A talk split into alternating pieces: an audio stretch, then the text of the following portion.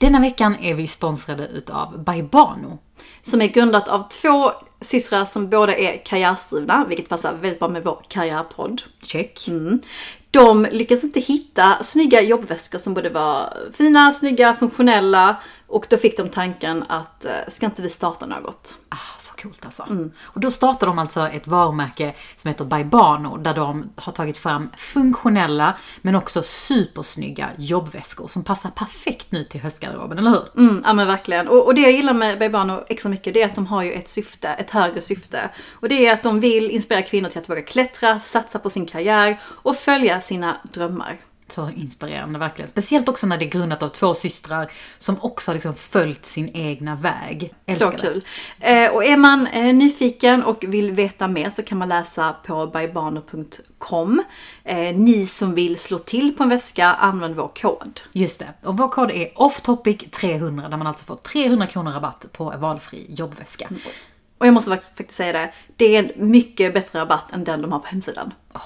Så generöst.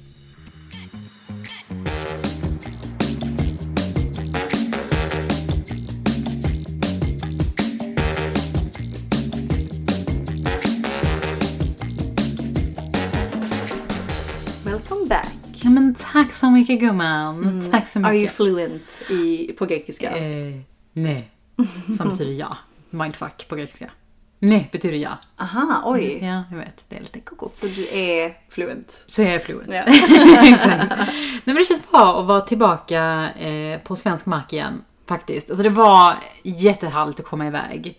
Men jag har ju aldrig haft så lite skärmtid som jag har haft den här Är resan. inte det skönt? Jo, absolut. Men det är också av nödvändighet och inte av fri vilja. Utan liksom, det är ju så annorlunda inser man ju att resa med barn. Alltså, det är ju lite sorgligt att man inte insåg när man hade sin sista resa att det här är vår sista resa som bara två. Eller, jag var visserligen gravid så jag visste ju att det var vår sista resa. Men, Men inte på det sättet. Nej. du kunde göra vad du ville. exakt. Och liksom konstant cater till en boss som man har. Mm, en liten boss som har varit i världen i typ fyra månader. Ja, och, och min dotter är, var ju liksom i den här som man kallar språng 4, som är liksom en utvecklingsperiod i livet där hon är lite extra gnällig och mammig och allt möjligt. Så att det var inte den bästa tiden att resa egentligen. Men du gjorde det. Men jag Eller är ni. skitglad att vi gjorde det och att vi inte liksom begränsar oss för att det är jobbigt. Och det tycker jag är en så här bra learning i livet generellt. Att inte tänka så här att man måste anpassa sig utifrån att saker och ting är jobbigt här och nu. Istället tänka på att hur kan jag leva mitt liv så som jag vill leva det och försöka anpassa det andra. Mm, och ta det som det kommer. Jag men får exakt. läsa det längs vägen. Precis, och det kommer vara annorlunda, det kommer inte vara precis som du har tänkt dig. Men vi kom iväg och vi fick en jättefin resa och en jättefin semester ändå. Så härligt. Än att vi skulle tänka, nej men alla hinder och alla problem och sådär. Alltså jag, jag, jag uppskattar ändå att vi gjorde det. Mm. Ja, men jag tror det faktiskt en bra insikt. Eh, Vi hade en eh, AV med vårt eh, kvinnliga nätverk Hon här i Malmö. Och, och, då- och då var det liksom några stycken som sa bara gud vad, vad modigt att du är här, eller vad coolt att du är här med din lilla bebis, att du vågar. Ehm, och f- för min del, alltså jag minns ganska tidigt så stack jag till ICA med honom för att jag ville öva på att vara själv med honom när han är lite grumpy. Ja. För att inte få den paniken. Och visst, jag skulle handla typ 10 grejer den kvällen. Jag, jag handlade två för att jag fick ju panik till slut. Men bara att gå på ICA med en bebis som är ganska nyfödd, som jag inte känner. eh, Gjorde mycket för mitt självförtroende. Ja. Och därför vågar jag ta med honom. Sen så har det varit gånger då jag lämnat eh, butiker, en restaurang eller avbrutit en kväll tidigare än tänkt. Men, men kan man så, så tror jag att man ska våga lite och så kommer det vara svettigt. Men ja, små, små steg på vägen gör mycket. Exakt, och jag tror det här är en learning, oavsett om man har barn eller inte, att verkligen släppa kontrollen. För det är det någonstans man lär sig med barn. Utsätta sig för jobbiga situationer. Ja, och att du, du kommer aldrig kunna ha full kontroll. För att du, du, har, en- du har en liten varelse som du inte vet kommer bajsa, kissa eller vara glad och ledsen. Som du måste förhålla dig i den här nya världen med en okontrollerbar liksom, varelse. Alltså när du ändå är inne på det här jobbperspektivet så vill jag också säga det just att också öva på att inte bry sig om vad folk tycker. Åh gud ja. För det gör man ändå när man liksom är mitt i karriären eller när man jobbar generellt. Att så här, vad, vad kommer folk tycka om detta? Tar jag över för mycket eller tar jag för mycket plats? Exakt. det, man kan ju inte heller bry sig för mycket om vad folk tycker när man har en bebis. Nej, man skiter lite i. Alltså, ja, så här man, man bryr sig lite i början och så, så bara släpper man det. Det är typ. Mm. som med amningen. Jag ammar liksom på parken. Ja, i början var man lite såhär, oj, jag, jag minns att jag hade en amningssjal som jag hade alltid. Ja med filtar och Den liksom, gled ner lite mer och mer efter, nu är jag såhär, vad ska jag göra? Jag ammar. Ja, Alltså, Mm. Som bäst kan jag täcka för med en liten filt. ja, så är det. Det är Gustav. Nej men så att det har verkligen varit en jättefantastisk resa på många sätt, men också utmanande och fått testa liksom, oss som familj på många sätt. Mm. Eh, men eh, Har det skett, skett det kränkningar? har skett kränkningar och det har också skett, nej, men det har också skett liksom många vad ska man säga, du vet, när man verkligen går ihop och blir ett team. Alltså det är ju också på det positiva hållet. Att man Mm. Ja. så här, shit nu är det riktigt kaos. Vi måste verkligen bara lösa det. Alltså det finns ingen annan situation. Mm. Exakt, det är bara vi. Det är bara vi. Vi mot bebis. Exakt, det finns, och det finns ingen off-knapp här som jag bara kan liksom emergency trycka på. Men annars har det faktiskt varit jätteskönt att komma iväg. Jag tycker också att det är ett lifehack att resa i september. Eh, för att det är fortfarande till större delen varmt i många europeiska, alltså sydeuropeiska länder. Det är inte alls lika mycket turister. Och det är mycket billigare när det gäller hotell. Vi fick ju liksom till ett jättefint hotell med liksom privat pool och supertrevlig utsikt som vi absolut inte hade liksom velat lägga pengar på under högsäsong. Nej, nej. Så det är liksom ett lifehack som jag ändå tar, tar med mig. Mm, skicka med det till alla. Ja, Take notes. exakt. Hur har din dag varit? Eller vecka? Ja men den har varit bra. Alltså jag känner att dagarna går så himla fort. Jag är ute och går mycket. Jag tog faktiskt ett, ett em, jobbmöte eh, i veckan. Och eh, det var en, men en kvinna som ville veta mer om marketing, PR, hur man ska tänka. Så typ ett konsultmöjlighet? Ja, men ändå inte. Alltså mixa pick your brain också. Jag vet inte Okej, vad, vad liksom mm, syftet var. men det kan vi ta en annan gång. Och den här kvinnan, när hon pratade så och pratade så här. Åh nej. Det, är- det, det, det är lite ick. Jag ville komma till det. Ja. Och jag, jag stör mig på att vi spelade in det samtal, eller vårt poddavsnitt för några veckor sedan. För att det är en ick jag har som Ja. jag inte tänkt på att jag har. Mjäkiga röster. Ja, fast att det var med kände jag, kan det varit någon, inte härskarteknik, inte så jag kränkt. men jag, jag har läst sen att det kan vara en härskarteknik, speciellt bland män, att de pratar tyst för att dra till sig uppmärksamhet. Men va? Mm. Okej. Och på det här mötet så sa jag till, till henne, jag bara, vad säger du va? Alltså flera gånger. Eh, och, och den personen, hon, hon var inte mjäkig, utan hon pratade väldigt tyst, men medvetet. Okej. Men det var inte så att ni pratade om hemligheter? Nej, gud nej. Men gud vad märkligt. Och, du vet, och så har jag också min bebis med mig, försöker hålla koll på att, på att han inte ska börja gråta och Ja. få flipp och ta dem kontroll. Och försöker lyssna på henne och liksom dessa planer och tankar, ge min input. Och du vet, pratar du lågt, jag, jag kan inte vara med. Nej. Och jag ångrar att jag inte sa, kan du prata Ja, högre? Men för, alltså faktiskt, för det tycker jag är helt legit. Så här, Förlåt men jag hör typ inte dig. Nej. Pratar du alltid så? så kanske man inte kan säga. Du gick, du gick från att inte säga något alls till att bli passive aggressive. Pratar du alltid så här efterblivet? Nej men jag tänker liksom att man, man faktiskt i den situationen kan vara såhär, förlåt vad sa du? Så jag, jag vet inte om det är jag som hör dåligt eller det är dålig akustik men jag hör inte vad du säger. Mm, faktiskt. Alltså, Det gjorde jag inte, jag bara störde mig. Och du, bara stod, du sa bara VA? 20 gånger eller? Nej men typ, vad säger du? Nej men annars har veckan varit jättebra.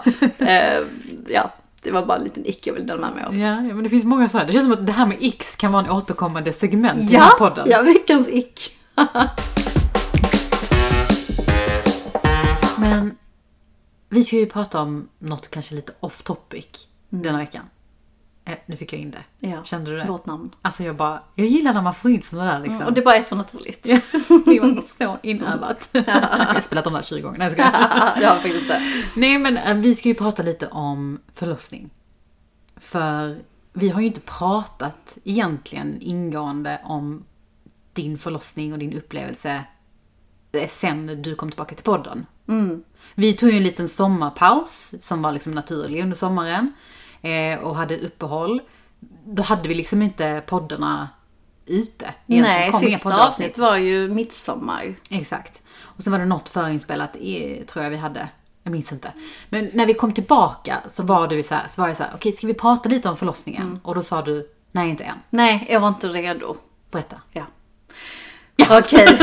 Berätta, varför var, du Hämta, hämta kaffet! Nej, men varför var du inte redo då? Vad är det du kände liksom att du Nej, men- landa? Nej men jag kände där och då att jag kanske inte kan prata om det utan att börja gråta. Mm. Och nu kanske jag börjar gråta i avsnittet så det är en liten warning. Warning. För sensitive topic, topics. Och så ska jag skämta för att det ska bli... Eh, Okej. Ja. Mm. Eh, och jag märker att när jag berättar för dig, för du, du, var, den, men du var den första jag berättade för. Eh, och sen, liksom, ju fler personer jag berättar för ju mindre grät jag. ja. Och så känns det att det blir en bearbetning. Mm. Och det är inget fel att gråta men det är mer liksom att jag vill inte stå och gråta en hel podd och så vet, hör man inte vad jag säger. Nej, och det, det är färskt. Ja. Ibland behöver man också landa Ja. i sina liksom, känslor och tankar. Och jag tror så sen, i, takt med att man blir äldre så får man också liksom insikt om hur, hur man bearbetar tuffa situationer. Ja. Vissa personer eh, kanske går lite mer inåt och behöver reflektera. Du är också en person som behöver prata. Vilket du också gjorde. Nu behöver du inte alltid göra din podd direkt Nej, liksom. nej. Men man märkte också på dig att det kändes som att det blev bättre och bättre efter för varje gång vi Ja. pratade om det. Ja men verkligen. Och det är så skönt för jag minns liksom när jag var mitt i allt detta att jag tänkte shit kan detta bli liksom, kan detta sätta spår i mig som blir negativa? Alltså man har ju de hemskaste, mörkaste tankarna när man är liksom i svarta och Ja. eh, ska bli mamma för första gången och ja men så här. Men okej, om vi spolar tillbaka vad som hände då. Eh, ja, men jag hade ganska lång latensfas. Säger man latent eller latens? Gud, men ingen vet. Så du måste precis förklara vad det är, det du, du sa. Ja men det är liksom första fasen, förverkarna. Och Ja. de, jag hade mitt BF eh, 2 augusti och detta började 29 juli. Precis efter min födelsedag. Och det, det kändes som mensvärk och det var alltså några få verkar. Och jag, jag tog faktiskt notes för att komma ihåg. Det är ett tips till alla ute. Ta notes när ni är gravida. Även om ni mår jättebra eller jättedåligt. Bara skriv må dåligt, må bra. Exakt. Är sugen på frukt eller vad du nu sugen på. I alla situationer där man är, kanske går igenom något lite speciellt. Ja. För man glömmer. Ja men typ när man ska gifta sig, Ja. när man ska köpa en ny lägenhet. Även när du gick igenom en tuff fas på jobbet så tog ju du jättemycket notes. För att Mm. Faktiskt. liksom påminna dig själv. Jag tycker det är en jättebra lifehack. Ja. Men det borde man göra mer av. Men jag, jag tog något för att hålla koll på liksom mina verkar och vad som kommer hända och, och så vidare. Ehm, och, och då var det liksom hanterbart. Jag kunde fixa mina naglar, käka lunch. Gjorde lite ont men jag fixade liksom. Och sen den 30 så började helvetet. Alltså jag hade så jävla ont. Men de var inte så täta att det var dags att åka in. Och jag kände också att jag ville göra jobbet hemma. För man hade hört, eller jag hade hört lite att det var lite sunkigt på BB och man är alltid bekväm när man är hemma med liksom sin dusch och sitt te och liksom alla sina grejer. Ehm, men jag sov liksom ingenting natten till 30, sov ingenting natten till 31. Hade skitont och ringde faktiskt in. Och de ställde sig kontrollfrågor, vilket de ska med all rätt. Och, och de sa att Nej, men det är för tidigt, du är alldeles för pratglad för att åka in. Eh, vi tar inte in dig för att du har ont liksom. Och jag hade skitont.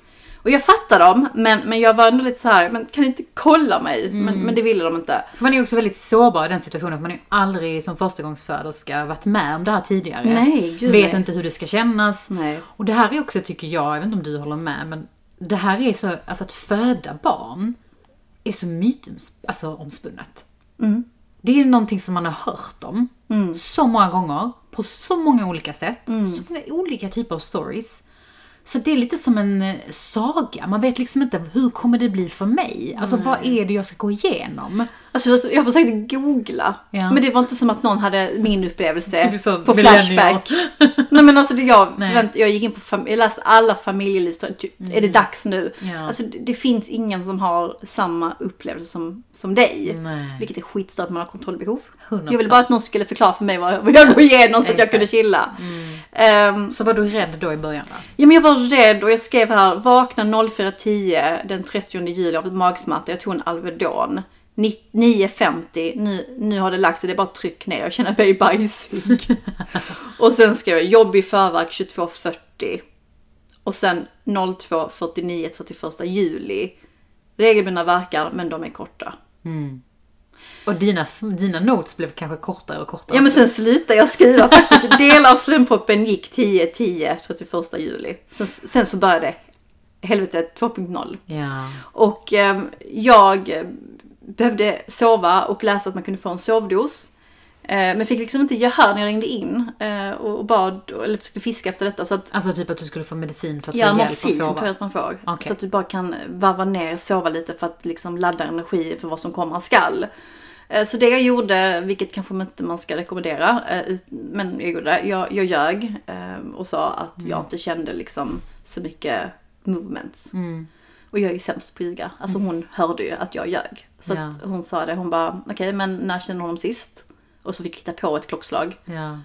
Vilket var typ så nio timmar sedan. Mm. Hon bara, ja men nu är klockan tolv. Det var ju ganska länge sedan du kände honom. Och typ lite konstigt att du ringer så sent. Mm, oj, börjar ifrågasätta. Ja, ja. Alltså blir du typ kränkt så hon ifrågasätter Ja, har ja, rätt visst. ja men verkligen. Så, så jag bara, men alltså jag har haft så ont så jag har typ ingen koll på, på tiden. Och, men, men jag känner inte honom i alla fall. Ja. Och hon bara, ja men vi tar in dig för det, inte för att det är ont. Hon ville markera. Jag bara, Ja. okej, okej chefen.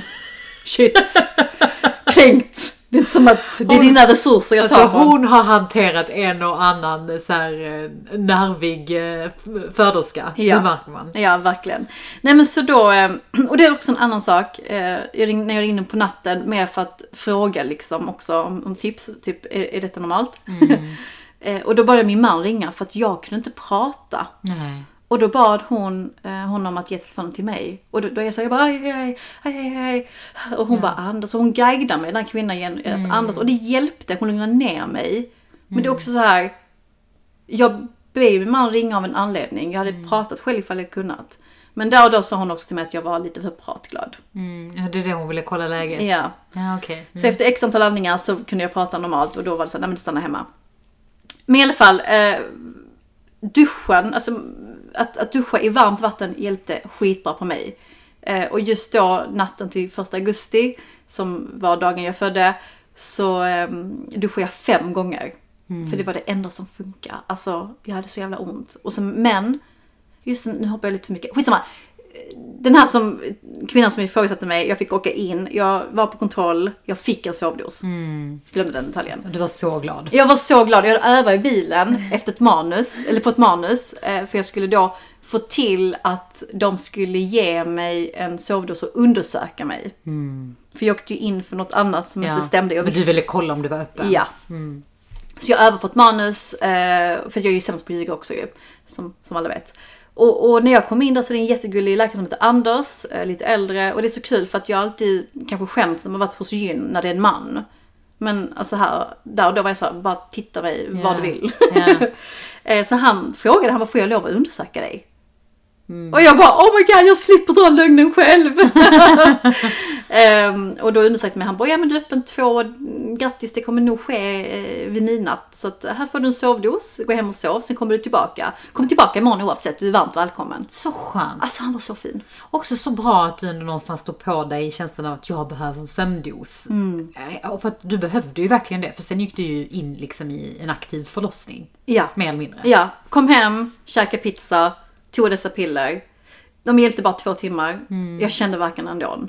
Eh, och som sagt, de blev väldigt intensiva. Jag duschade varmt, det hjälpte. Det hjälpte också att stå mot väggen och liksom trycka eh, bort, eh, eller ta verken på det sättet. Men när man inte har sovit på två dagar så, så blir det desperat. Så att jag la mig i sängen för jag tänkte att då kan jag sova en minut mellan mina verkar och den sömnen är guld värd istället för noll. Men där och då, alltså när du känner de här verkarna och du bara okej, det nu, nu händer det. Var du någon gång livrädd för smärtan? Alltså typ som att du kände så här: oh my god. Eller kände du att du kunde hantera det? Alltså det var hanterbart men det var också så här att jag tänkte på den jävla Föda utan rädsla-boken som jag hade lyssnat på i ljudbok och gått den här kursen och bara men hur fan eh, ska jag andas bort detta? Och jag kanske har misstolkat att det är ju inte föda utan smärta, det är ju föda utan rädsla. Men jag tänkte, jag tänkte att jag skulle ta bort smärtan. Din egen 2.0 av den boken, okej. Ja, men jag En sequel som inte är ute än. jag, ville att det skulle vara något helt annat kanske. Men, men jag kände också det här med att så här, hon säger ner och smärtan är inte farlig. Men alltså när du har den här jävla förverkan, du har skitont och kroppen får ju lite panik. Ja. Eller jag fick det. Jag unnar er som ser det som styrka och bara kan liksom måla era naglar samtidigt som ni tar en förverk. Alltså all cred. Men jag kunde inte det. Och blev liksom rädd ju, ju, ju tätare de blev. Och tänkte, Oh shit. Ja men oh shit liksom. Och sen ingen, att jag inte sovit. Alltså det var nog det värsta. Alltså jag låg och skrek på nätterna. Mm. Grannarna måste tänkt att Navid liksom, ja, slog ihjäl mig. Alltså för jag skrek. Synd att inte polisen kom gumman. Nej, men det var ingen, varför ringde ingen polisen? Ja. Eh, men så kände jag, jag duschade fem gånger då första, eh, första augusti på natten, morgonen där. Och sen så funkade det inte. Alltså, funkar ja, men det här varma vattnet Jaha. som hade gjort susen. Ja. Jag kände att det gav ingen effekt. Nej. Jag kunde höja värmen hur mycket jag ville. Och då, då var jag såhär, nej men nu är det fan dags. Nu tänker inte jag vara hemma en tredje dag och ta och verka hemma och vara duktig. Nu ska jag in. Men så tänkte jag, jag sov, försöker sova en timme till så jag är lite laddad och sen åker vi in. Sover lite, helt okej sömn liksom. Väcker min man, jag bara nu är det dags, vi, vi måste åka in. Han går på toaletten, lyssnar på musik, vi hör som Bad Bunny, Coldplay, han har värsta disco där inne. Tar sin tid på, för att göra sin nummer två, duschar. Att du inte slaktar honom. Men alltså gumman, jag tog verka i sängen och kände att så här, det har mer energi att gå och knacka på, bad, alltså på Och dörren. Mm. och vara arg än att bara försöka överleva här. Du Kom skulle han, tagit notes om hur mycket skit han ska få sen. Eller någonting. Så här, kom, kom han in helt så, helt fräscht du vet, Ja. nyduschad, Ska vi gå? pigg. Är du färdig? Jag bara, alltså skojar du? Han bara vadå? Jag bara vi ska åka in. Han bara ska vi åka in nu? Jag bara fan tror du? Så du sitter här för att det är kul? Alltså jag blev så lack. Eh, och jag hade också en vision, en bild att jag skulle ha så här Dyson-hår, lagt lite concealer, lite Ja. så läppglans. Glowig hud. Alltså jag ser ut som shit. Men vem fan bryr sig om hur man ser ut i det läget känner jag. Nej nej, jag ska inte bry mig Nej. mindre. Och så har man svetsats hela natten för att man har så ont. Du? Alltså jag var så man bara hjälp mig typ. Jag kommer dö. Nej och såklart sätter vi på grannarna så bara är det dags? Och de menar inget illa. Nej. Men jag vill inte prata. Nej, jag Nej. har inte tid att kallprata just nu. Och så typ stönar jag bara aj, aj, aj, aj, samtidigt. Och du vet, jag kan inte bry mig att de ser mig säga aj, aj, aj, aj, aj. Men jag hade så fucking ont. Alltså till och med att åka bil och det, när det guppar du vet. Farthinder. Gjorde ont. Ja. Jag bara kör långsammare. Alltså jag var, det var kaos. I alla fall, vi kom in, de tog emot mig, de var jättetrevliga. Jag var öppen tre, jag bara shit om det hänt grejer. Jag bad om epidural, fick den. Alltså det är det bästa. Alltså, inte nog med, med liksom att, det, att det funkar, alltså det funkar så bra på min kropp. Det är som att vi är gjorda, alltså min kropp är gjord för epidural. Mm, du ska ha knark i din Jag ska kropp. ha knark i mitt liv. eh, och det var så kul för att den här narkosläkaren, alltså han var ju en riktig sötnos. Så sötnos. Fy fan vad ett äckligt ord. Okej, han var en snygging, han var en babe. Ja. Vet du vad det sjuka är? Att jag tror att det är samma narkosläkare läkare som jag hade på, min, på mitt kejsarsnitt. Ja, visst var han snygg. För han var också rätt snygg. Eller han var inte snygg men han såg helt okej ut. Men det var hans personlighet, han var inte min smak, men hans personlighet, hans energi, hans längd. Men just det är så sjukt, men det var samma person. Men det måste varit samma. Hur många, hur många liksom vältränade, helt okej looking narkosläkare finns det på Malmö Exakt, han sjukhus? var, han var vältränad och så hade han jättebra hållning. Ja, och lång. typ. Lång var han. Och så, då- och så var han liksom lite charmig. Han bara Apollonia, gud vilket fint namn, är det från Gudfadern? Ja. Vilket är. Eh, och, och sen så... Du bara, ja, ja. alltså jag brukar egentligen vara jättefixad. Jag brukar ha sånt där som kollar min Instagram. det finns en Du behöver tutorial. visa bilder så att han förstår liksom. Okej. Mm. Men- Och och det är ändå bra att när de sätter pedalen så ska man vända så att man har ryggen mot så han kan sätta den. Mm. Och det är ju bara för att jag var liksom, jag var helt generad. Jag fick så lite röda kinder Oj. och du vet hur det kan bli när jag typ skäms lite. jag typ generad, jag blir generad nu. Eh, och jag vet när min man såg detta. Alltså fem minuter från att föda liksom. Eh, och så säger han när han ska liksom lägga den här sprutan, han bara shit, han bara du är vältränad tjej. Mm. Ge mig så här komplimanger. Du bara, säg det igen! Jag bara, ska bara ta en story. Säg det igen. Eh, och typ säga att jag är jätteduktig. Och jag vet inte om han läser min förlossningsjournal. Men jag tror att jag säger att jag vill bli bekräftad. Men han fattar mig, han bekräftar mig. Ja. Ehm, han hade lite problem med att sätta den rätt, men det är helt okej för han var jättesöt. Eh, så han kallar på sin överläkare som satte den direkt. Alltså Ja. hon var så kompetent, hon visste precis. Ja, hon lägga inte tid att ge dig komplimanger. Nej, nej, nej, men hon var jättehärlig. och det var det bästa. Och då, då fick jag mitt liv tillbaka. Då, det slog ut all smärta. Jag var så glad, vi beställde mat. Jag bara, nej men jag äter sen, jag ska sova lite. Eh, passa på nu när jag kan sova. Eh, vilket jag ångrar jättemycket nu i efterhand. För att eh, mitt i allt så, när jag försöker somna så kommer massa läkare in och bara, du måste vända på dig. Ställa på alla fyra. Eh, för bebisens puls har gått ner. Och jag märker att stämningen är lite annorlunda. Eh, och de ber mig ställa mig i olika positioner. Och så har jag läst i mitt förlossnings, i min förlossningsjournal att de skrev beslut om laktatprov taget. Och det är när man mäter bebisens mjölksyranivå. Och då tar man, man stoppar upp någonting i fiffi och så tar man ett blodprov på huvudet på bebisen. Eh, och så kan de då se lite olika resultat. Mm. Eh, uppenbarligen var han stressad. Eh, och detta gjorde man några gånger och, och jag var så här. Jag tänkte äta. De bara nej nej nej. Ehm, vi vill inte att du äter eller dricker. Och då fattade jag att okej, okay, detta är någonting som inte stämmer. Mm. Och så tar de det här provet totalt sex gånger. När de tagit det för tredje gången så frågar jag bara vad är plan B då? För att de vill hålla koll liksom på hans nivå så att inte han är jättestressad. Och då sa de att plan B är kejsarsnitt. Och då började jag gråta. Mm. Eh, för det jag kände där och då var att kejsarsnitt är the easy way out. Vilket det absolut inte är. Mm. Men jag känner någonstans att det får man om man har medicinska skäl för att man inte kan. Eller för att man är förlossningsrädd, vilket man har, jag liksom ändå respekt för. Eh, jag har mått så bra under hela min förlossning. Eh, jag hade kommit igång för att verka, jag har liksom lidit från halvdag, inte sovit. Ska, ska de bara snitta mig nu? Vad fan? Mm. Och så var jag också rädd, för jag hade inte läst på om kejsarsnitt. Jag hade hört dig, men ditt var planerat.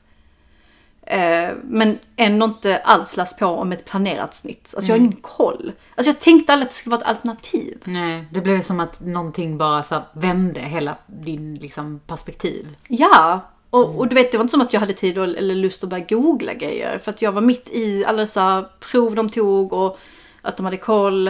Eh, så jag liksom började gråta och kände mig lite dum mot läkaren för att det var som att hon fick den reaktionen. När hon sa snitt och jag bara mm. Alltså fattar du? Um, men så sa hon det, hon bara nej men nu gör vi provet så, så ser vi. Jag bara men vad är, vad är liksom gränsen för ett snitt? Hon bara 5,2. Och jag på låg, det här laktal Ja, mm. och då låg jag på kanske 3. Så jag bara men det är långt dit. Och då var jag också 9 cm öppen. Mm. Och det var jag i typ 5 timmar. Mm. Alltså jag var väldigt länge väldigt öppen. Så att de fick sätta in liksom verkstimulerande dropp för att dra igång det. Mm. För uppenbarligen var mina verkar inte effektiva. Mm. Eh, men jag hade epidural så jag mådde ändå bra liksom. Mm.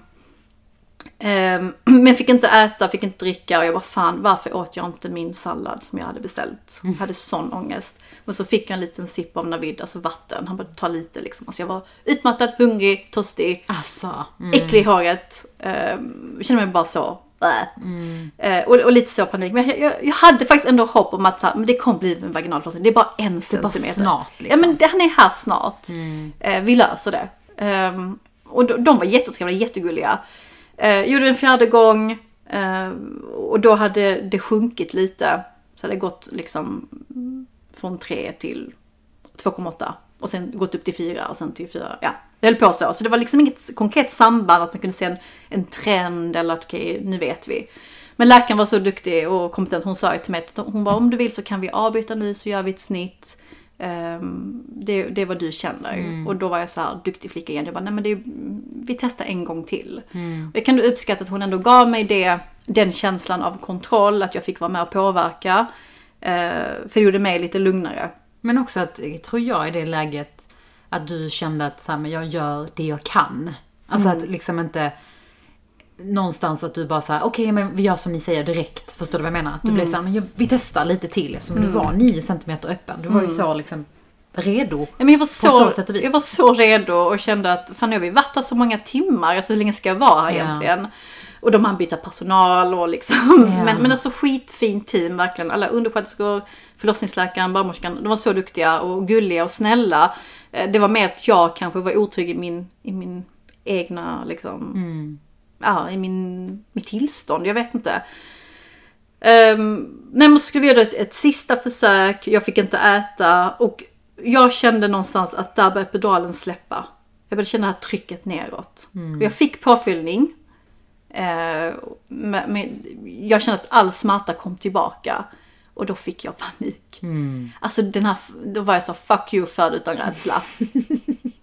Och, och, och jag fick så lite PTSD av vad jag hade upplevt dagarna innan med mina förverkar hemma. Så det blev bara jättejobbigt. Eh, och jag hatar den här lustgasen eh, som många tycker om. Men jag tyckte det var lite för många steg att du ska ta in den. Du ska andas in det.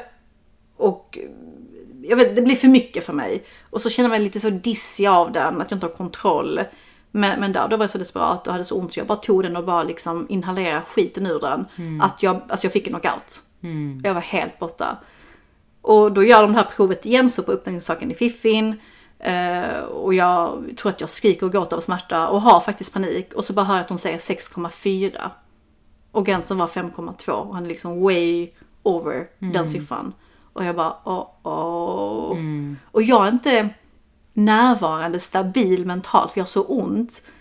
Så jag, jag får panik igen på det. Och så kollar jag på Hur, Navid. hur utspelar sig din panik? När du säger att du får panik, vad är det du, alltså... Ja men jag börjar gråta. Ja okej. Alltså, du, jag- du blir utåtagerad, inte så att du liksom går in i dig själv utan du bara shit vad är det som händer liksom? Ja men jag, alltså jag började liksom gråta som så, Ja. alltså den. Eh, och jag såg så ont. Och så kollar jag på Navid. Och så säger då den här läkaren, hon bara bli inte rädd nu, nu kommer vi kalla på larm och det är för att vi behöver personal, vi behöver flytta dig. Eh, bebisen måste ut inom 20 minuter. Och, och någonstans så är jag uppe, så uppe i min smärta att jag har så ont. Och sen rädslan, för sen så stänger, det är som att de stänger av förlossningen så att smärtan försvann av någon konstig anledning. Jag vet inte om de spruttade in något medel i liksom infarten. Jag vet inte. Men Okej. den försvann. Sen var det bara rädslan inför vad som komma skall, säga kejsarsnittet. Och de är skitsamma. De bara flyttar mig från en säng till en annan, börjar rulla mig, kommer in i operationssalen. Alla liksom skitsnygga, solbrända av det lilla jag kunde se för alla var ju liksom i såna här ninjakläder. Eh, gröna kläder där de har på sig tror jag. Eh, och bara hej jag är välkommen och jag bara gråter. Alltså jag är inte alls där. Du vet, nu hade jag väl så skämtat lite bara ja har man lidit nu i tre dagar nästan och så ska vi vara här. Alltså jag vet inte. Det är så surrealistiskt. Men fattar du? Och, och så ska de sätta in den här bedövningen igen. Och jag bara, kan jag få hålla någons hand? För min man backade, han ville liksom låta folket jobba. Han är också själv läkare så han, han vet själv någon i vägen att det kan vara lite jobbigt. Eh, Men han var verkligen så, jag såg knappt honom. Men Vad är han? Jag bara, kan någon hålla min hand? Jag är jätterädd för jag vill inte få den här sprutan i ryggen. Eh, De bara, men din man kan komma hit. Han behöver inte stå där ute. Nej liksom. precis. Men han vet kanske inte heller liksom vad som ska ske. Nej, för det blir dramatiskt. Ja, Det blir inte alls som vi hade tänkt oss. Eh, och då, eh, ja men du vet ju själv, det är liksom bedövningen, de lägger ner dig, de, vad gör de? De sätter in alla infarter. Jag var väldigt svårstycken, jag visste att det skulle ta jättelång tid för dem att hitta rätt, vilket blev. Och det gjorde så jävla ont, även det, att få ett litet stick. Eh, och, och jag grät, jag, jag, tog, jag grät under hela kejsarsnittet. Han du tänka någonting? Jag, nej, alltså jag, jag tänkte, jag hann inte ens tänka den här fina tanken att snart är han här, fan vad kul, nu ska jag träffa min bebis. Och det kan jag, vilket låter så sjukt, ångra att jag inte tänkte. Att jag har en sån tanke är jättekonstigt. Men, men jag tänker att jag kom till sen just det här med prestation, att föda kanske, eller är nog en prestation för mig och för många kvinnor, att det ska vara på ett visst sätt. Och att man ska vara lite duktig, att man fixar det. Mm, en förväntan Och ha goda tankar. Att mm. smärtan är jättepositiv och snart är min bebis här. Jag tror inte ens jag tänkte på min bebis om jag ska vara ärlig. Jo, att han skulle må bra, men, men jag var så uppe i min rädsla, panik och att det inte blev som jag tänkt mig. Och eh, men jag var rädd. Jag var så jävla rädd. Och då hade jag ändå liksom läst bok, gått kurs, lyssnat på poddar. Jag kände mig påläst. Jag har gjort så mycket liksom prepp jag, jag kunnat. Men det var så god stämning i den här operationssalen och man hörde liksom hur de snackade om sin semester den helgen hade varit. Och, alltså jag tror jag höll någon narkosläkare i handen och min man i andra handen. Var det den snygga narkosläkaren? Nej han var inte där, var, men han var också lite snygg. han var så trevlig. Och så började jag frysa mitt i allt och började skaka tänder. Ja. Och det gjorde också mig lite rädd. Det var så mycket känslor samtidigt och eh, man känner ju ingen smärta, du vet ju själv när de snittar dig. De gör ju någon kontroll och du vet, jag började fråga dem. Jag bara, hur vet ni att bedövningen funkar? Tänk så snittar ni mig nu så kommer jag bara få skitont. Och de har tänkt, alltså vad är det med den här kvinnan? Nej, men de har fått den frågan tusen gånger tror jag. Ställde du den frågan? Nej, men Nej. jag kan tänka mig att det är den mest normala frågan Ja. att ställa i den situationen. Och sen var jag livrädd att se reflektionen av när de snittar mig i taket eller lampan eller någon Ja. spegel någonstans i rummet. Så jag ställde den frågan också. Jag bara, "Eh, kommer jag kunna se mig själv nu? Mm. De bara, nej. Vart? Jag bara, men tänk så är det någon spegel, någon reflektion Mm. för någon liksom blänkande grej? Men det är jättebra, för det minns jag också från, från min, eh, min, mitt kejsarsnitt. Att när jag var så här, jag ställde frågor kring, eh, gör ni någonting nu? Eller nu känner jag att det är lite konstigt i min höft. Jag var så här väldigt verbal. Och det sa de faktiskt, de bekräftade mig, att det är jättebra att man är verbal i den situationen, att man frågar frågorna man har för att man vet aldrig vad det är och man måste få lov att göra det för annars kanske man går där och tänker, är detta normalt? Speciellt du som inte var förberedd på hur det skulle kännas, vad som skulle hända. Du måste ju få ställa frågor, stora som små. Ja. Alltså det är bara jättebra och det ska man ha med sig i alla sådana här situationer. Skäms inte för fem Nej, öre. det är fan sant. Nej men jag hade så mycket kontrollbehov ehm, och sen började jag frysa och fick något varmt täcke som blåste. Jag vet inte vad det var för någonting. Okej. Ehm, och ehm, nej men det var så fin stund för då låg jag liksom där på, på den här sängen som Jesus. Eh, och så min man är liksom ovanför mitt huvud och tittar på mig. Jag ser bara hans ögon för de är ju också liksom påklädda som läkarna. Ehm, och så hör vi det här ljudet, det vackraste ljudet. Ja. Wah, wah. Jag kan inte härma det. Eh, med lilla Tristan. Och så bara ser jag liksom hur min mans ögon, alltså gud jag gråter nu, eh, fylls av tårar. Så Och mina också. Och så bara känner jag okej, han lever, allt blir jättebra. Eh, Men jag var fortfarande rädd. Eh, Och så låg jag som Jesus då med med armarna. Eh, Och så tar de så här kind mot kind. Och jag visste inte om jag kunde hålla honom. Och så vågade jag inte heller för jag hade så ont av dessa jävla infarter. Och var rädd att liksom, om jag rör handen nu så kommer liksom nålen liksom gå sönder och så kommer det komma massa blod.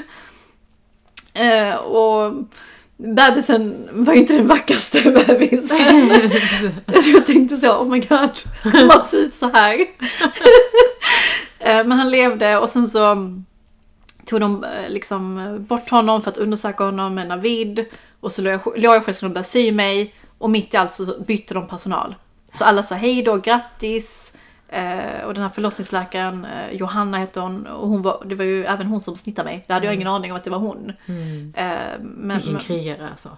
Alltså hon var så grym. Jag måste Shit. bara ge, ge henne en shoutout. Hon, alltså hon tog ju samtal och coachade sin personal eh, i hissen på väg till operationssalen vad de skulle göra. Hon bara, jag är lite upptagen nu, ska in i operation, men gör så här, ta det, ta det provet, kolla det värdet. Och, alltså hon var liksom överallt men hon var ändå med mig. Och var så kompetent, konkret men ändå varm. Men ingen bullshit. Alltså snacka om att ha ett viktigt jobb. Alltså hon gör ett otroligt jobb.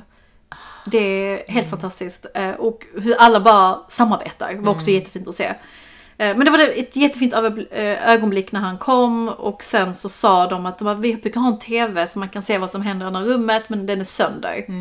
Och du vet, jag har inte ens läst på. Hade jag läst på hade jag blivit så besviken och kränkt att den inte funkar. Men där och då var du så skönt, bara att allt var så liksom... Det, ja, och så sydde de mig och sen så rullade man iväg på, den här, på, eh, på IVAN då för uppvak. Och jag hade, vi hade inga mobiler med oss. Vi sa inte hej då, jag och Navid. För de bara, följ med nu, sa de till Navid. Och han följde ju med med bebisen. Och sen bara, men vänta, var Polonia? Och jag var ju på en helt annan, i en helt annan byggnad Ja. eh, på uppvak. Och han var liksom på BB. Eh, så där var jag själv i två timmar. Hur kändes det? Alltså jag var så utmattad och trött. Du Men så behövde var- kanske vara själv också. jag behövde nog själv. Och då tänkte jag så här, kommer det att vara trauma för mig? Kommer jag känna anknytning? Uh, gud vad kul det ska bli att träffa honom. Uh, Okej, försök sova nu. Men jag är jätteexcited, jag kan inte sova, jag är, jag är så nyfiken. Och jag vill träffa honom. Tusen känslor, men då var jag lugn, då var jag inte rädd. Och det var så kul för att mitt hår var ju kaos. Så säger då den här eh, sjuksköterskan som tog hand om mig på uppvak, hon bara Gumman, ska, ska jag fixa ditt hår? Alltså jag kan sätta upp det om du vill. Jag bara, alltså, ja, alltså, ja det är jättekaos, alltså om du orkar. Hon bara, ja gumman det är faktiskt kaos. Vilken bror, alltså jag lovar. Alltså hon var så rolig och så ärlig. Gud vad härligt. Alltså hon var så härlig. Och sen så också när vi, jag rullade in där på uppvak så var det en annan patient som låg där som bara snarkade. Alltså han snarkade sönder. Och jag kände att jag ville vara lite själv. Men man får ju inte vara själv för de håller koll på dig. Och jag bara liksom gjorde en blick liksom för mig själv. Och så såg hon det. Och det var som att vi pratade med våra blickar. Och hon sa Jag fattar gumman, han är fett störig men vi kan inte göra något, jag kan slänga ut honom. Så jag bara höll ut med hans snackande Gösta eller vad han hette. Eh, stackaren.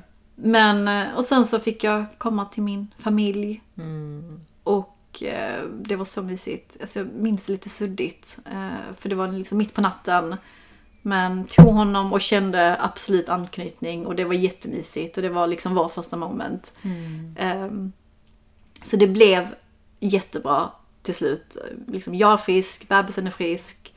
Eh, Det var nog med liksom rädslan hos mig att inte ha läst på.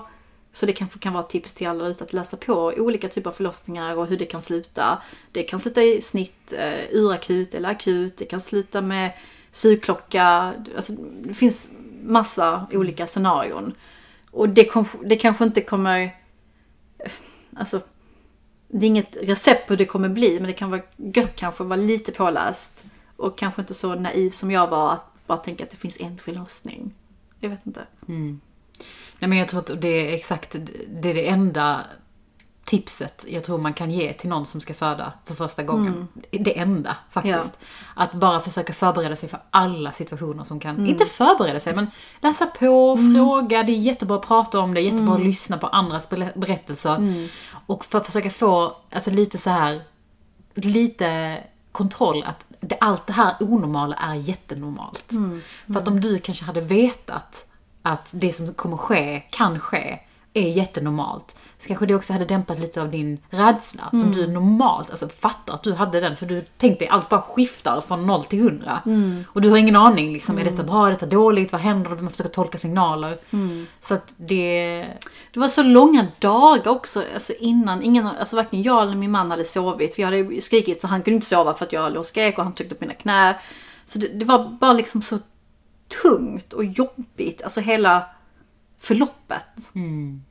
Och sen såklart värt det för man får sin bebis och han mådde bra. Han var inte så stressad när han väl kom ut.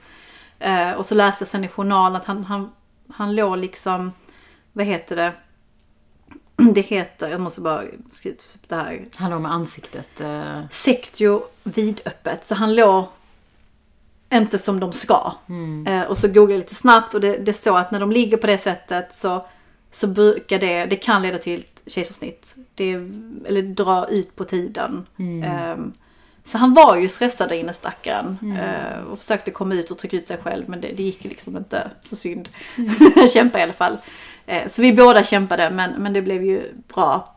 Men i allt detta Alltså nu mår jag bra så, men jag minns att jag hade liksom lite ångest veckan, alltså dagarna efter. Och så var, man, var jag inne på sådana här, du vet, eh, Facebookgrupper där folk berättar om sin egen förlossning och undrar verkligen att det har gått så bra för så många.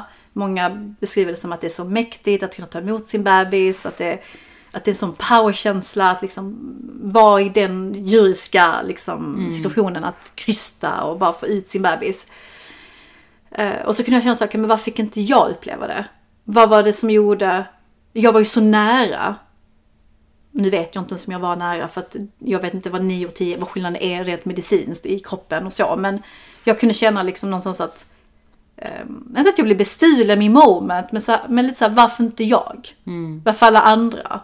Och, och det kan vara lite destruktivt, men jag hade de känslorna. Eh, Jag lyssnade på Rebecca Stellas podd, så fin förlossningsberättelse. Men kände också där då, bara så, okej men varför fick inte jag den upplevelsen?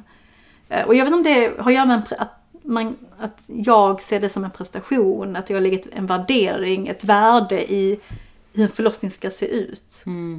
Alltså jag vet inte om du minns, för det pratade jag också om i, när jag fick veta att det skulle bli planerat snitt för mig. Ja. Att det var en sorg på ett sätt. Och trots att många var så här, eller min mamma mest.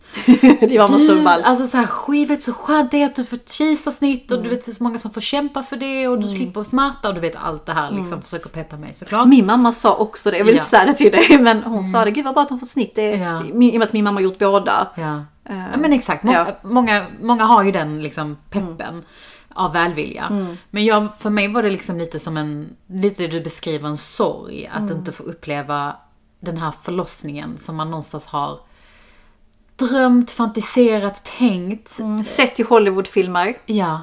Och också någonstans i ny efterhand så känner jag bara så här, men vem fan bryr sig hur en bebis kommer ut egentligen?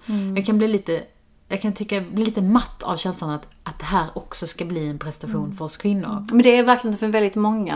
Men jag tänker så här, eh, vi har ju många nya lyssnare som kanske inte har lyssnat på det avsnittet. Kan du bara berätta snabbt vad som hände? Ja, men jag fick ju ett planerat snitt eh, vilken i vecka? vecka 34, tror jag att jag var. Eh, eftersom att min moderkaka låg för långt nere. Eh, och den hade inte flyttat sig. Mm, Och den ska flytta sig för att... Och den måste flytta sig för att liksom den låg i vägen för förlossningskanalen. Så att eh, jag fick ju veta det redan i första ultraljudet att mitt, min moderkaka låg långt nere. Men man hade liksom, nej men den kommer flytta sig. Men vi bokar in en extra liksom eh, ultraljud lite senare när den närmar sig. Och jag tänkte faktiskt inte ens mer på det. Alltså jag sa det, vi nämnde det, men sen så var jag såhär, nej men det kommer nog flytta sig. För att det, det var liksom inte ens en grej. Eh, och sen får jag då veta att, att det är ett snitt som, som skulle vara planerat. Och för mig var det så surrealistiskt för jag hade ju läst också alla de här böckerna, jag hade förberett mig, jag hade känt mig så här lite nyfiken på hur en Du förlossning var skulle så gå. pepp. Du, du var mer pepp än vad jag var. Ja men jag var, jag var liksom nyfiken och pepp på att få göra detta. Så bra positiv inställning också som jag tror gör väldigt mycket Ja, vid en vaginal för- förlossning. ja. Men, men det är egentligen så obetydligt. Alltså- men där och då betyder det så mycket.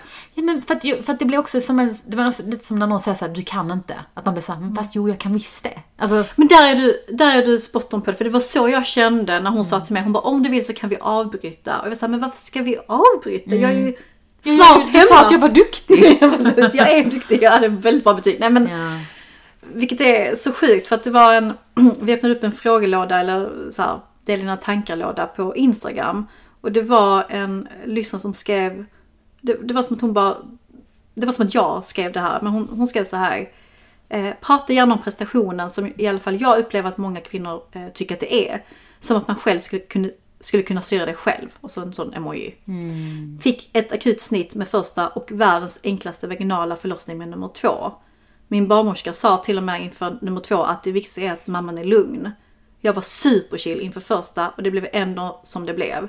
Helt ärligt, inga andningsövningar i världen kunde ha gjort någon skillnad gång nummer ett. Men det där tycker jag är så himla viktigt att, att ha med sig i perspektiv kring en förlossning. Att Det spelar ingen roll, du kan ha världens bästa inställning, du kan ha världens mest pålästa liksom, eh, du kan ha gjort allt, alla rätt. Men det är fortfarande en medicinsk händelse. Alltså folk, kvinnor har dött Ja. av att föda. Nu gör ju, tack och, tack och gode gud så har vi ju fantastisk vård här som gör Och det var också någon som skrev det att mm, hon är väldigt tacksam för den vården vi har i Sverige.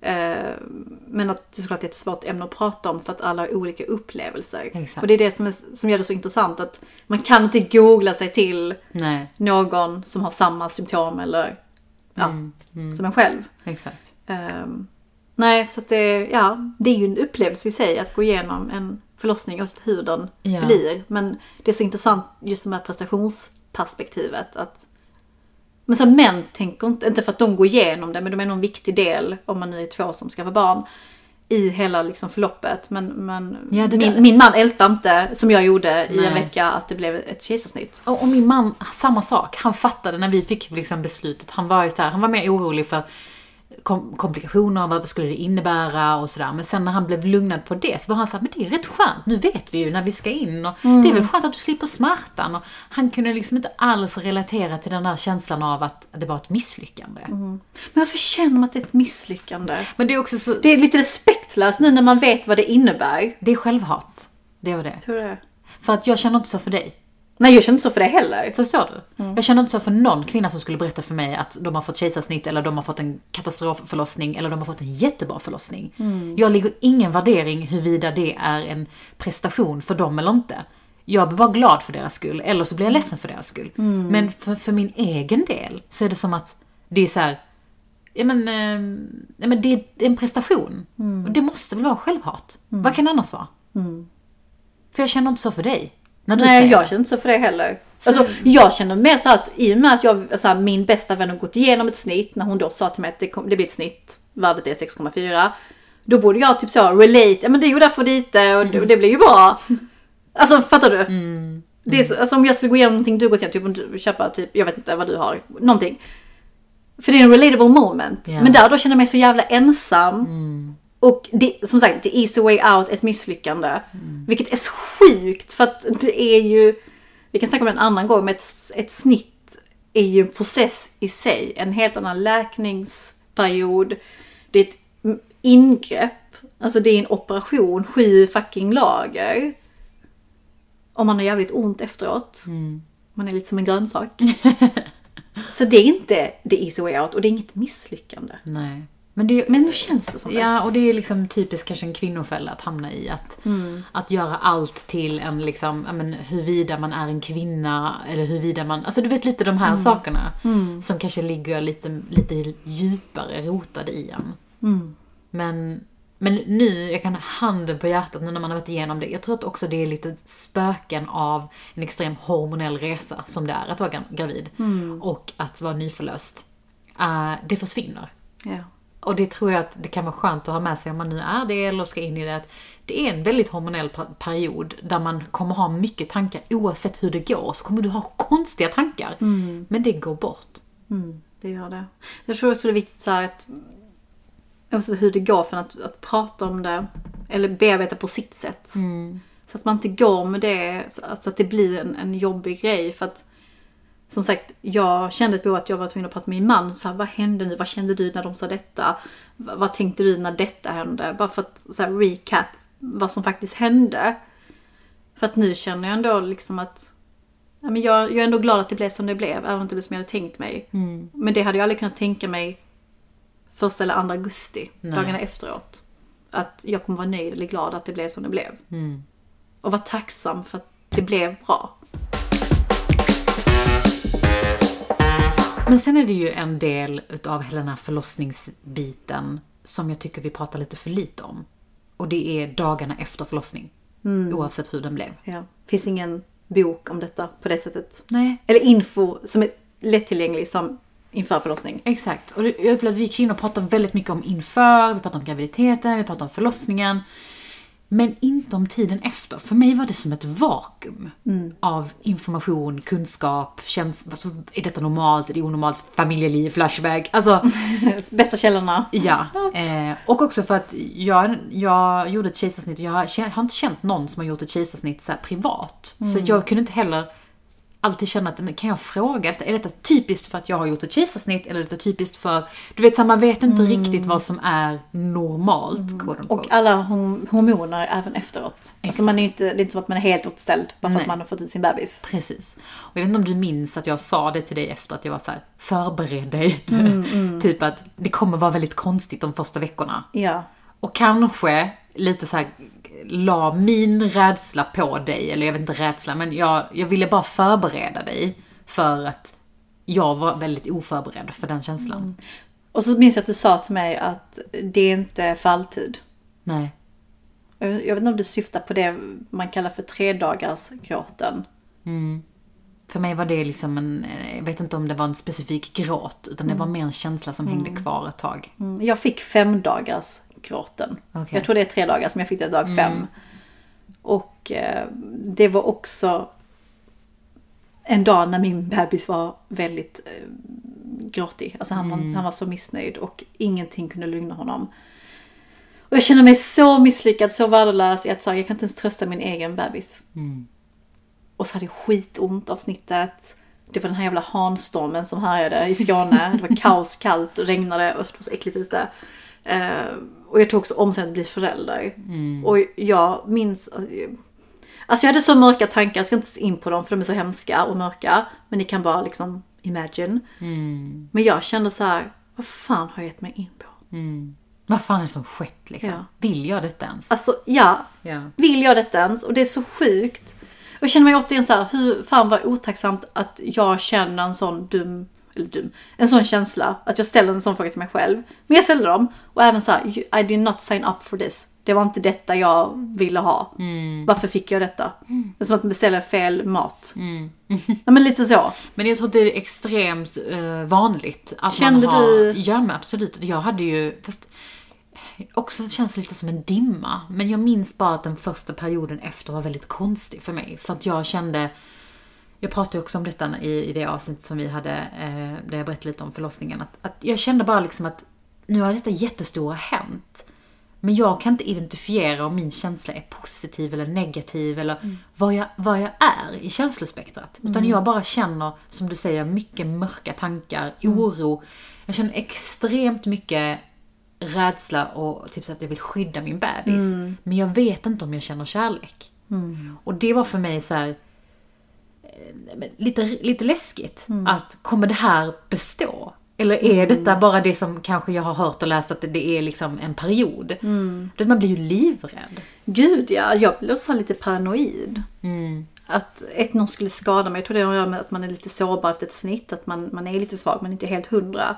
Jag, var, jag tänkte så här, någon, någon kanske sparkar mig i magen nu. Om jag går förbi det här, det, det här liksom gänget. Alltså gänget i form av att det är mycket folk. En, ja, fem pass liksom, ett, ett sällskap. Att någon av dem skulle skada mig. Eller att någon skulle ta min bebis och slänga i kanalen. Ja. Katastroftankar. Nej men verkligen sjuka tankar. Men, men min eh, man ställde en fråga till mig. Han bara, eh, och det, det är ett intressant test om man vill göra det. Jag vet inte vad det visar på. Men det är bara kul att snacka om. Så okej, om du har fått välja, hade du valt mig eller hade du valt vår bebis? Om, vad sa du, om du hade... Om, om du hade fått tvungen att välja mig eller bebisen. Vem hade du valt? Och de första dagarna så sa jag, ja men jag hade valt dig. Förmodligen för att den här kärleken som är så stor nu, kanske inte var så stor då. Nu hade jag sagt till min man, vet du vad? Ses! Ha det bra. Stäng Hör dörren. av dig. Skicka vykort. Exakt. Men vet du, det är så intressant för att, och där tror jag att det är viktigt att ha med sig för många som blir föräldrar första gången att kärlek, man kanske har, man kan, vissa kanske får den här instant kärleken att, och det får många, det ska man, jag har hört att det är så. att, men det är ju någonting som verkligen växer fram. Ja, det byggs på ju. Och det blir bara mer och mer intensivt. Och det var det jag kände sen när, jag, när veckorna gick, att det bara, okej, vad skönt. Det kom. Det kommer successivt kom, och det blir bara mer och mer och mer. Och till slut bara så kan det bli mer? Alltså lite så. Men att man inte ska bli rädd eller få panik av att man kanske inte känner precis som man tänker att man skulle känna. Mm, och inte jämföra sig. Det är så lätt också att man gör det, att man ser på Instagram, sociala medier, alla är så lyckliga. Men man kan också ha två tankar samtidigt. Jag var jättelycklig i början, kände jättemycket kärlek. Men jag hade också eh, ett kaos dag fem där jag frågade dem, okej vill jag verkligen detta? Och, och de tankarna har, man, har jag också haft på nätterna när, när jag ammar och känner mig jätteensam och eh, har sömnbrist. Att säga okej, är detta mitt liv? Men det är också en oändlig kärlek. Alltså man, man får lov att ha mörka tankar. Mm, och precis som du säger, att ha två känslor och tankar samtidigt, att det faktiskt är att vara människa. Mm, det är så mänskligt. Jag hoppas att ni tycker att det här avsnittet gav någonting. Det är väldigt så blottande att öppna upp sig så här. Ehm, men samtidigt var det skönt att prata om. Men jag tror det är bra. På många sätt. Också väldigt bra att lyssna på, oavsett var man, var man är i livet. För det är ju en livsomvälvande situation. Alltså det är en kris som vilken annan kris som helst. Alltså lite. Ja, men så är det ju. Så. Men eh, tack för att ni har lyssnat och för att ni skickat in era frågor. Eh, vi får kanske tillfälle att svara på dem någon annan gång. Eh, vill ni veta någonting mer så är det bara att höra av er. Gör det.